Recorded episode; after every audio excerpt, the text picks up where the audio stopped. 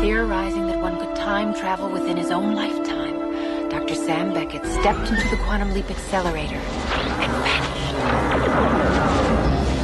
This time we This time, Anytime at all Time and time again Hei og velkommen til Radio Tidsmaskin. Navnet mitt er Marius Øfsti. Med meg så har jeg som alltid Knut Martin Kristian. Hei, Marius.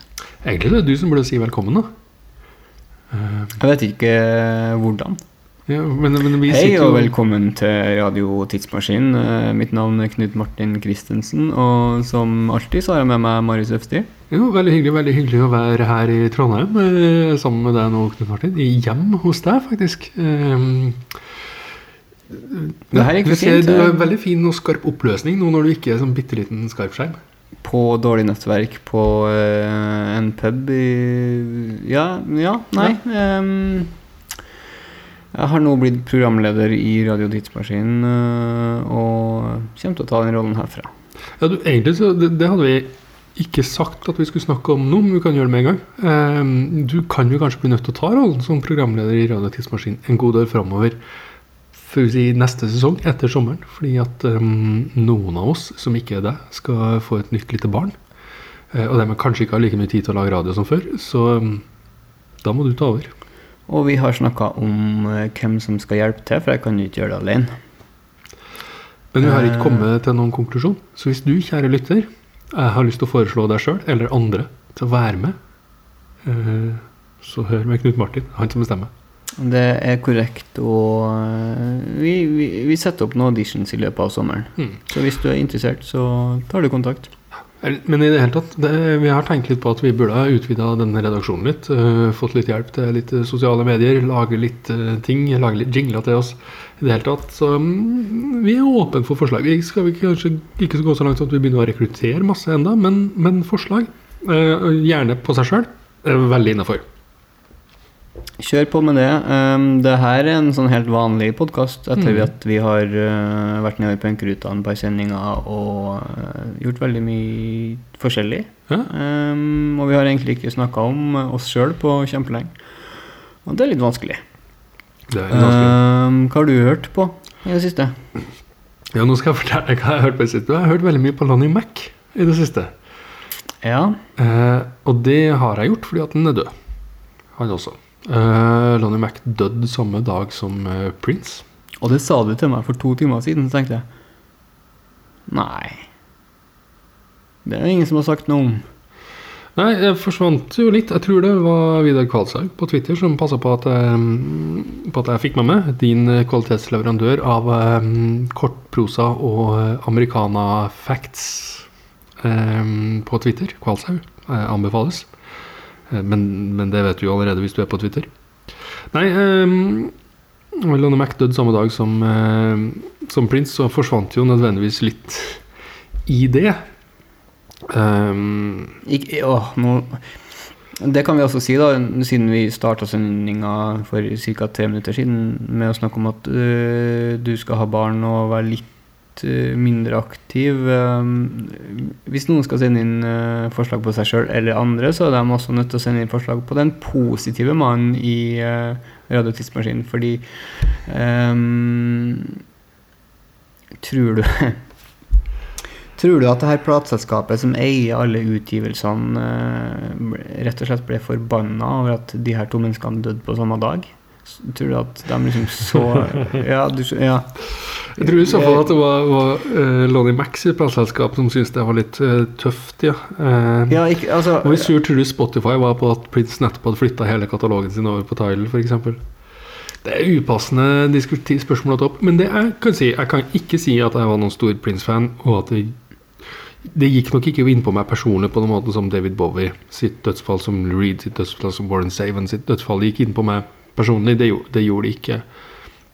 Eh, men jeg syns det har vært interessant i hele diskusjonen om Prince etterpå, er at man har sagt at den, den bredden blir løfta fram så veldig.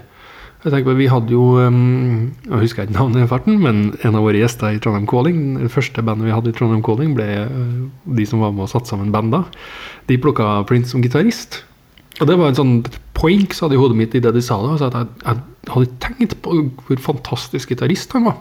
Vi hadde eh, to gjester på Ron Calling eh, som het, eh, kanskje het Tony Peacock og ikke Tony Aldevereid, eh, men noe lignende. Og eh, hvis du går tilbake på feeden vår på Facebook til i går, så kan du høre det lille klippet. Da har vi lagt ut det hvor de snakker om sitt drømmeband som de eh, har satt opp sammen. Og der er Prince ganske fremtredende. Ja, på gitar. Eh, og jeg har sett mye klipp av Prince spille helt sinnssykt bra gitar eh, i, i det siste. Og det ja, forsvinner litt i alt det fantastiske talentet som helt utvilsomt, eh, utvilsomt er der. Og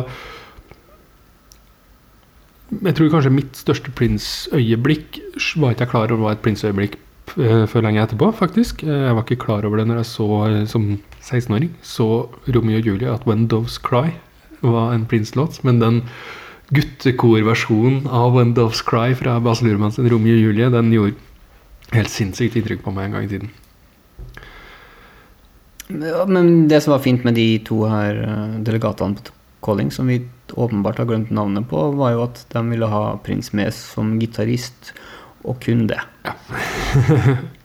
Eh, Men det var jo egentlig Lone Mac jeg skulle, skulle si noe om. Og det er jo bra at vi snakker om gitarist her. Um, jeg holdt nå holdt jeg på å si at Lonnie Mac hadde starta sin gjennombrudd som relativt streit eh, rockabilly surfrock-gitarist eh, på slutten av 50-tallet. Eh, så slår det meg at relativt streit er kanskje litt sånn feil måte å beskrive en mann som er, har blitt ansett av mange i hvert fall til å være liksom skaperne av den moderne gitar, lead-gitaren. Um, og visstnok er grunnen til at Whammy-baren heter Whammy-bar etter hans eh, låt Wham! Med utropstegn. Veldig bra. Og den sjuende personen i verden som kjøpte seg en eh, Gibson Flying V-gitar. Ja, nummer 007 når den kom i 1958, og ingen hadde lyst på sånne spisse gitarer. Betyr det at den lista her er offentlig? Eh, nei, det betyr at det står på Wikipedia at han uh, kjøpte den med nummer Ja, okay, 007. men eh, ja. All min research om Lonnie Mac i Wikipedia. Sorry. Jo, men jeg kunne godt tenkt meg å se liste over alle de som har kjøpt den gitaren fra nummer 001 til Det- egentlig opp til 100. Ja, det har vært ganske kult, for den er jo sånn, det er jo en ikonisk 80-talls, sent 70-tallsgitar, men, men den kom i 1958, den Gibson Flying V. Um, men det er ikke det er ikke eh, de seint 50-tallsinnspillingene jeg har hørt på, det er de innspillingene han gjorde med Elektra rundt årsskiftet årsskift, altså rundt eh, skiftet fra 60- til 70-tallet, som, som jeg har brukt noen dager på. Tre veldig fine plater, eh, kanskje særlig den siste. The Hills of Indiana fra 1971 er den jeg har hørt mest på. Um, si, altså, han spilte med Doors, han spilte på Morrison Hotel. Og er session-gitarist på Morrison Hotel. Eh, på The Hills of Indiana så har han bl.a. med seg um, Og det her skulle jeg selvfølgelig huska, eh, men det er samme trommisen som på Blond on Blond. Veldig, veldig fin plate. På den plata så har han også med en låt som heter 'Fine Way To Go'. Eh, som jo er upassende passende her. Eh, og det er den vi skal høre, men jeg bør også si at det er en Carol King-låt. Og samtidig som uh, Lonnie Mac var uh, Elektra-artist, så var han også jobba med A&R. Og eh, gikk til, til sine sjefer i Elektra og sa at denne Carol King bør vi signe. Og så sa de nei, vi har en Judy Collins. Vi har nok damer i stallen vår. Trenger ikke noe Carol King. Oi. Det tok ikke så lang tid før uh, han slutta med, med A&R.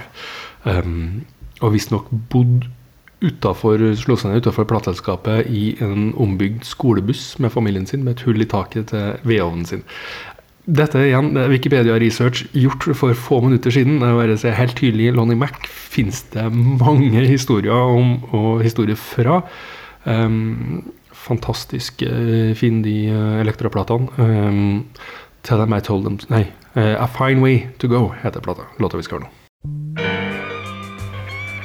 Ehm, nå må jeg være eh, sånn bad cop igjen, for jeg kom på en ting når vi hørte på den låta her.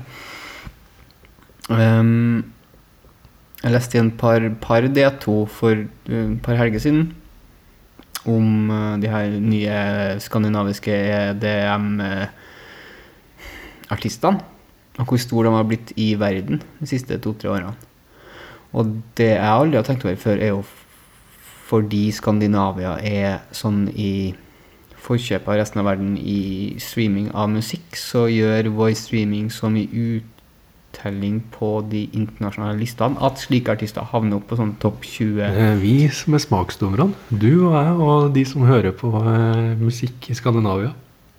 Og vi har gitt dere Kygo. Ja. Um, Det går bra. Vi, vår, eh, vårt vindu som smaksdommerne er nok snart over når Tyskland begynner å streame. Da er vi ferdig. Og det blir fint. Ja Eller ikke. Ja. Altså, eh, vi har jo snakka mye om tysk musikk de siste Eller ikke så mye om musikk, tysk musikk, faktisk. Kanskje litt for lite. Vi glemte å snakke om Nina Hagen, enda det dukket opp noen fantastiske Nina Hagen-historier etter at mik mikrofonen var skrudd av. Så eh, de sparer vi bare til, til Nina Hagen-tiden eh, kommer over oss. Det vet jeg at den gjør. Eh, men ikke så mye om faktisk om tyske artister, men mer om artister som har slått an i Tyskland. Men det er jo i og for seg godt nytt her, da, hvis når Tyskland begynner å streame, at tysk smak, som tydeligvis er mye bedre enn vi har gitt dem kred for, slår av. Men det første jeg tenkte uh, da jeg leste det her, var jo Hvorfor tenkte jeg ikke på det her for to år siden? Men etter jeg tenkte den tanken, så tenkte jeg Hvorfor kom ikke det her i 2004? Konseptet streaminga. Vi har hatt så utrolig mye skandinaviske og ikke minst norske band i, i, på toppen i kanskje i verden. Mm. Som vi hadde likt, da. Altså, vi har det nå også, men, men, men det hadde vært noe annet enn det her Ja. eh, som de kaller elektronisk dansemusikk, da. Um, men for å ordentlig bli badcopen, så tenker jeg Tror du nå det foregår en sånn her knallhard forhandling rundt i musikkbransjen, og spesielt på mellom da Tidal og Spotify, om å få rettighetene til den store artisten som dør neste gang? Nei, det tror jeg nok ikke. Uh, Ok, men hvem er det, da? Hvem er de tre neste som går? nei, det vil jeg ikke snakke om. mye Uff, det blir så ubehagelig. Ja, Nei. ikke sant? Nei, det vil jeg ikke snakke om engang. Det, det, det, det er en grunn til at jeg tar det opp akkurat i dag, og det kommer vi tilbake til litt senere. Det er pga. en bok jeg leser som handler akkurat om de menneskene som sitter og eh, faktisk spekulerer i det her. Nå angrer jeg litt på at jeg spilte Lonnie Mac. Jeg skulle heller tatt med uh, Stefan Sundstrøms klassiker 'Fri sprit og taxi hem', som nettopp handler om plateselskapene som finner ut at denne artisten her kommer aldri til å gjøre noe interessant igjen. Vi må bare gi ham nok sprit og dra gratis drosje hjem, så han drikker seg i hjel, og da kan vi selge platene hans igjen. Uh, Dritartig låt. Og, og hvem har jo ikke lyst på fri sprit og taxi hjem? Men det er også konseptet til de fleste plateselskap uh, av størrelse. Ja. Dessverre. Eh, apropos eh, Spotify og Tidal Nei, det glemmer vi. Det var ikke så interessant. Jeg burde snakke om det senere. Um, artister som har vært døde en stund. Um, jeg ser på lista vår at du har plukka en låt som jeg ville ha trodd at jeg hadde kommet til å plukke. Jeg har plukka en Warren Seaman-låt. Du har plukka Um, den beste Warren Seaworn-låta i verden, ergo den beste låta i verden. Ja, jeg tror nok kanskje at det fort kan være I dag så er det nok den verdens, verdens beste låt, og den siste måneden så har det vært um, verdens beste låt. Mm. Men um, Og nå har jeg skrevet denne her uh, og gjort det til en sånn Google Translate-greie for at jeg skulle liksom si det, så jeg skal prøve. Så jeg har tegnet en ähm, tredd über äh, traurige Melodien av Twitter mitt uh, Maria Kahn uh, und andre. Og for dem som ikke skjønner tysk, da, så har det vært en Twitter-diskusjon mellom Realitetsmaskinen og mange andre om uh, triste låter, rett og slett. Ja, det starta Eh, av eh, Musikkbiblioteket i Trondheim. Uh, igjen, jeg antar at hvis du hører på det her, så er du såpass oppgående at du følger med på Twitter osv. Men igjen, følg Musikkbiblioteket i Trondheim, og gjerne da musikkbibliotekar Stian Stakseth uh, på toppen av det hele. Men, men ja. Um, De starta en liste. Tristeste sangen i verden. Og mange slengte seg på. Mhm. Og jeg begynte å høre på alle låtene. Og da dukka den Warren Seaman-låta opp. Eh, og det var ikke det jeg hadde glemt den, jeg bare glemt at det faktisk var verdens beste låt. Jeg har rett og slett bare ikke hørt på den på en stund, og de tre siste ukene så har jeg ikke hørt på noe annet, egentlig. Uh, herregud. Uh, fantastisk låt. Eh, Eh, ja. Prøv, å- prøve. jeg må nesten eh, Den, der linja em, eh, om man, uh, Dette er Hollywood Hawaiian Motel. I was staying in a Hollywood Hawaiian Motel. Uh, um, and when California slides into the ocean like the mystics, mystics and statistics says it will, I predict this hotel will be standing until I've paid my bill. Det er en sånn fin linje man kunne ha bare dikta opp som en sånn Det er en kul sånn linje i en en tekst. Perfekt linje i en tekst. Um, Men Men det, det finnes jo selvfølgelig eh, Hollywood Hawaiian uh, Motel uh, i, i eh, ja, Hollywood. Um, som Warren Savon da dro til i en krangel med kona eller et eller annet sånt. type for Nå er det slutt, jeg drar med meg, sjekker inn på det hotellet. Skulle bli der en natt. Og så hadde han jo ikke penger til, til å sjekke ut igjen. Da. Så han eh, var der et par-tre uker til eh, David Marks. eh, um, tok, skaffa sin mors eh, stasjonsvogn, kjørte opp i gata bak hotellet, og så hoppa de ut vinduet og stakk av.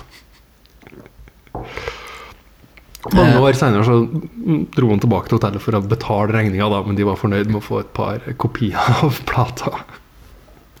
Um, vi setter på verdens beste låt. Desperados and the Leaves, uh, Warren Seven. fra Fra Warren Zevon-albumet som kom ut i 1976. Uh, Jackson Brown-produsert album. mm.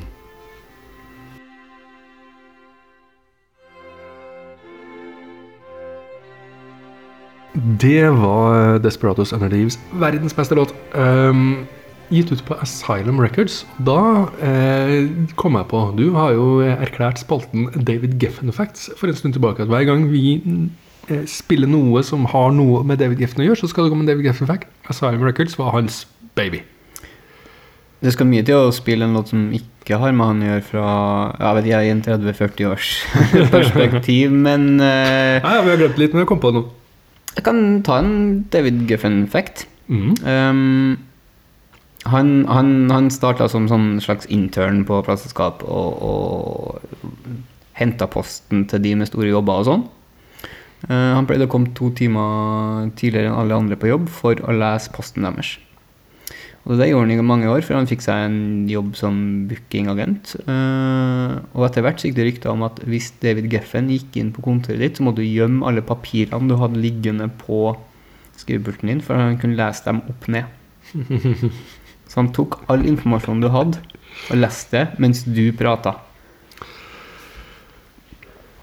Det um, det er vel mest skremmende, tror jeg. Ja, jeg syns det, det var litt skremmende, eh, skremmende å høre. Altså. Mm. Men du, eh, jeg har noen sånne I den ikke-eksisterende Radiotidsmaskin-spalta vi anbefaler. Ja. Det kom en ny eh, Radiohead-singel på tirsdag. Mhm. Um, men det interessante rundt det er jo hvordan de gjorde det. For det er jo alltid en, de har alltid en smart løsning på å promotere seg sjøl. Og de siste tre albumene de har gitt ut, så har folk catcha at de skal gi ut album ved å se at de har starta et nytt firma som heter det samme som plateselskapet. Eh, Den gangen her så har de sletta all internettrafikk de har gjort noensinne. Det vil si at de har sletta alt fra nettsida si. De har sletta alle poster de noensinne har lagt ut, og alle bilder de noensinne har lagt ut på sosiale medier. Det var bort. Nettsida var helt hvit, og Facebook-sida var helt hvit, og alt var bare tomt. Så plutselig så kom det en ti sekunders snutt eh, på mandag, så kom det en full singel på tirsdag. Og her er vi på tirsdag, for øvrig. Med en video Mm. som var kjempefin, og en singel som ga meg veldig lite.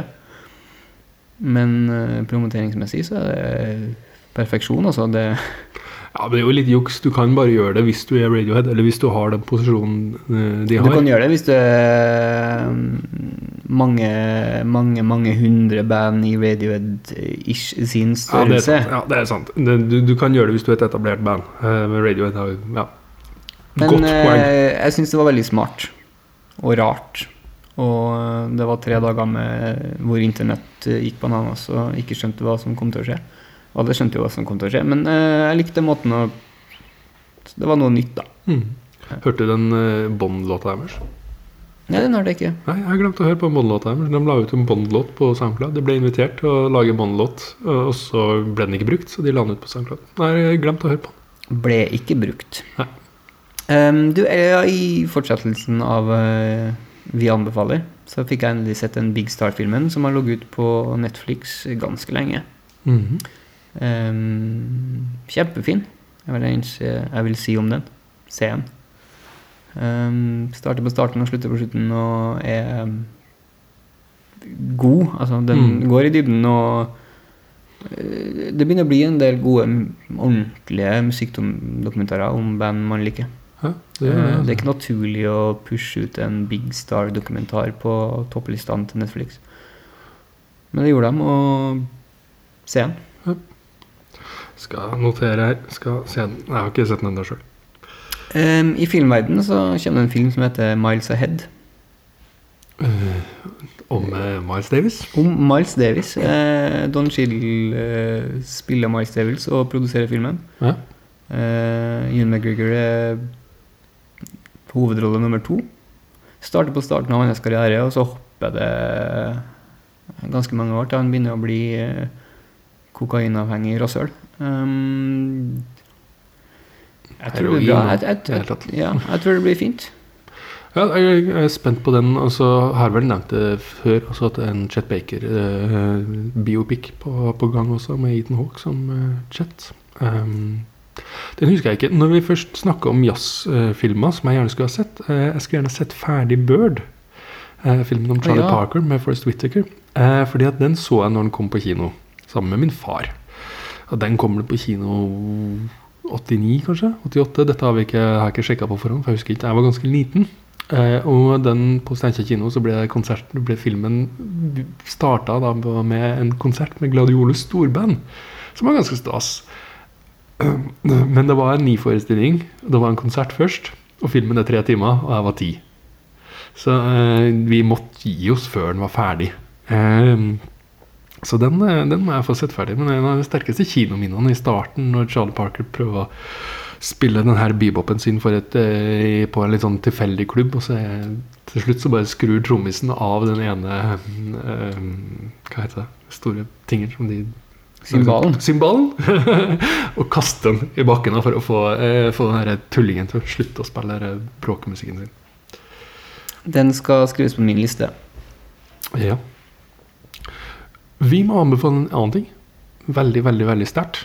Eh, Vi har nemlig booka en ny Radiotidsmaskinen eh, live-event, eh, sending. Er det sant. Um, I Oslo. Ja, eh, 11. juni så skal vi på Kulturhuset i Oslo, og vi har eh, gjest, rett og slett. Vi har booka gjesten vår. Eh, vi kan si det høyt. Vi har booka Annelise Frøkedal.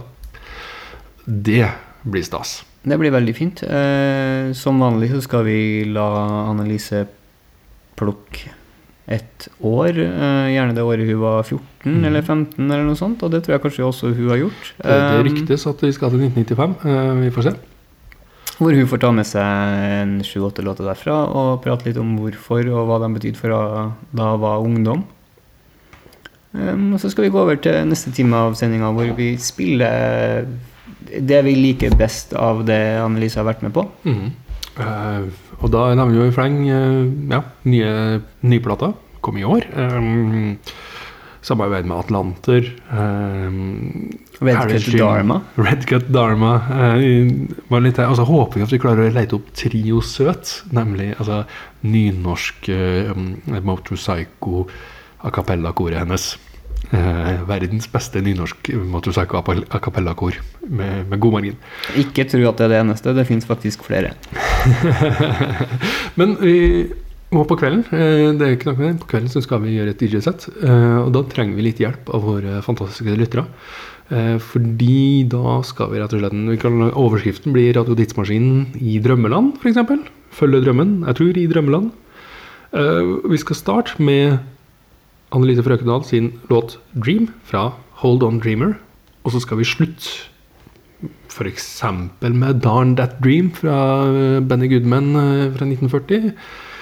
eller en annen låt som handler om drøm. Og imellom der så skal vi spille ganske mye låter som handler om drømming og soving og natta og mareritt og sånne ting. Men vi vil gjerne ha din favorittlåt Vi har eh, som passer innafor der. Fem Ja. timer har vi. vi Det har, fire, Oslo. du. vi har fire timer og 50 minutter igjen å fylle opp i det settet, så send oss låter som handler om drøm, Mm. eller hav, eller Ja. LSD, eller eh, Ja. Ja, sånne, sånne ting. Du skjønner hva vi snakker om. Send oss dine favoritter i, i Drømmeland-låter.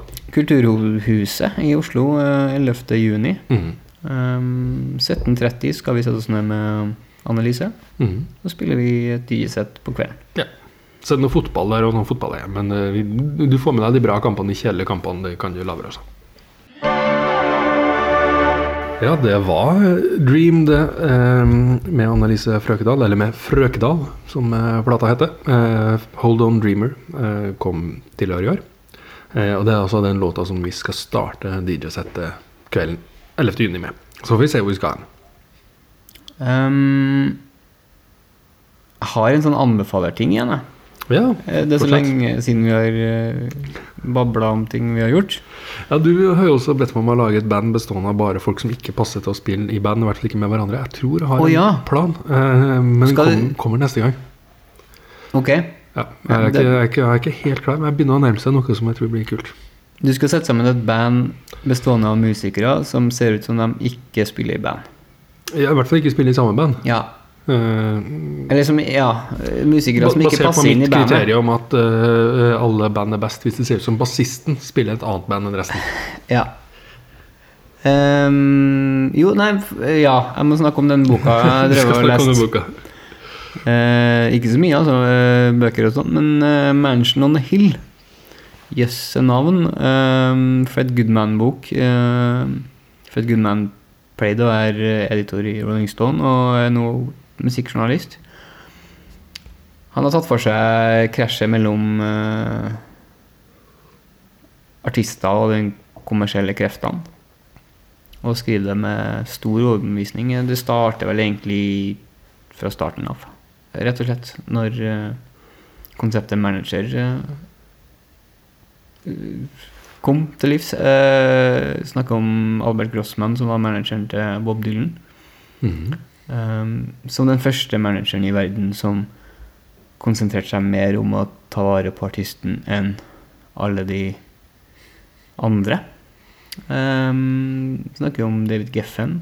Uh, snakker om Springsteen og hans uh, Rise to the Top. Og um, gjør det med en overbevisning som er helt fantastisk.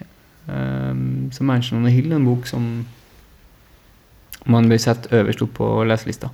Mm. Jeg hadde en tanke her eh, om, om dette mm, ja, Da nærmer vi oss eh, eh, slutten på denne sendinga, tror jeg.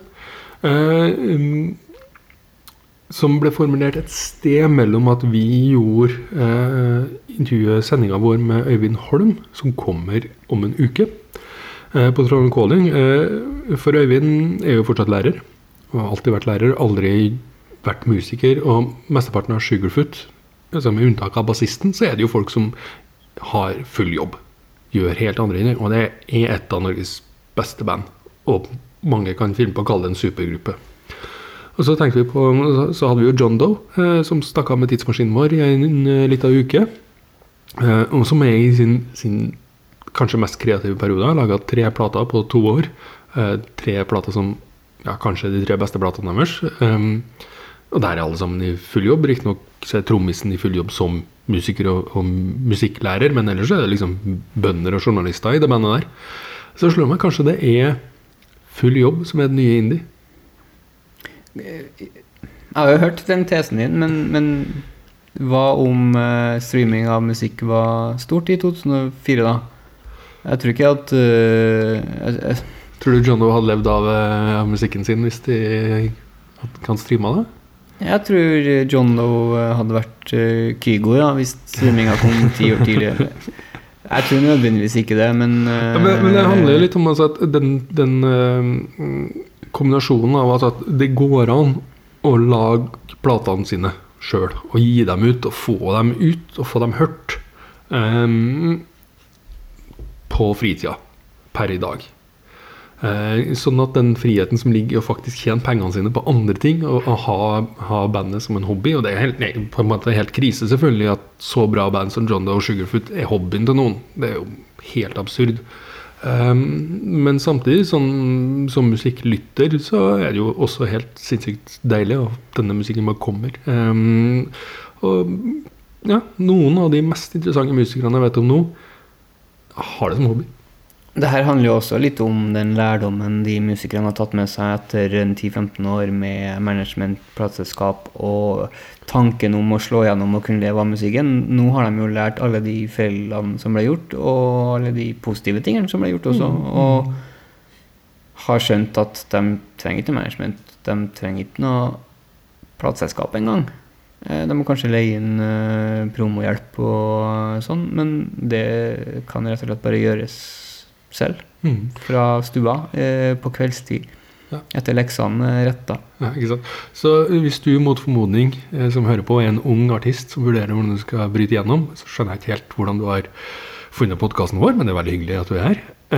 Så ikke stress med å bryte gjennom, men stay in school. Vent. Du trenger den jobben. Vent, vent til du blir gammel nok til å kunne sitte, på, sitte på et kjøkkenbord på kveldstid og forstå at du ikke kan leve av å lage podkaster. Jeg vet ikke hvor vi skal, skal med det her, egentlig. Nei. Eh, det vi skal vet at vi skal med det her, er selvfølgelig å eh, si at du må høre på om en uke. Da kommer det en sending, eh, altså to timer, eh, med masse musikk eh, av Eller plukka av Øyvind Holm. Eh, Øyvind dro til 1967, året han ønska han var 14, eller 18 kanskje. Eh, eh, ikke 1983, som han ikke følte seg hjemme i. Um, Plukka noen veldig veldig, veldig fine eh, låter derfra. Um, gleder meg til å høre igjen den sendinga. Og så reiste vi gjennom Øyvind Holms karriere, som da slutta med Sugarfoot-plata som kom rett før jul. Eh, men hadde den kommet i, dag, så kommer det jo Det kommer jo Sugarfoot hele tida. Ja, det kom en ny singel i går um, som heter Tiger Rider. Mm. Nå er i går fredag 6. mai. Uh, vi sitter her på tirsdag. Uh, ny singel. Vi har fått lov til å se teas, videoteaser, uh, som er veldig fin. Men vi har ikke fått hørt låta ennå, så vi, vi er spent. Ehm, jeg har fått tilsendt en ny låt som du ikke har fått hørt ennå. Eh, jeg ser for meg at det er en naturlig siste låt på skiva. Uh, Vi sa at vi ville ha en lang en, uh, så vi fikk en lang en. det er en låt som høres ut som coveret ser ut som, rett og slett. Ja. Den høres ut som den er spilt inn I Joshua Tree, for eksempel. I Joshua Tree, når, etter de tok pressebildene der. Ehm, og det høres veldig, veldig fint ut. Mm. Um, og vi kan jo også si at eh, etter at du har hørt på um, sendinga vår med Øyvind Holm den 14. mai, så får du bare notere i kalenderen også at den 20. mai ikke bare kommer plata, men det er jo også slippfest på Dokkhuset i Trondheim. Ja. Eh, er du en av dem som bor i Oslo? eh, Ja, jeg er en av dem som bor i Oslo. Ikke sant? Da kan du gå på Internasjonalen 28. mai og se dem der. Eh, bor du i andre byer i Norge, så kan du vente litt. Mm, sjekk internett. Vi håper og tror at de skal mange steder. Eh, Knut Martin, du må introdusere eh, den aller siste låta, for det er du som har fått den, så jeg vet ikke helt hva den heter engang. Da skal jeg mm, låne programlederrollen litt, Marius, og takk for i dag. Og minn på at neste lørdag så kommer det to timer med Øyvind Holm. Um, albumet Different Stars kommer 20. mai. Vi skal spille en verdenspremiere akkurat nå um, på en Sugarfoot-låt som heter Dark Shallow Grave.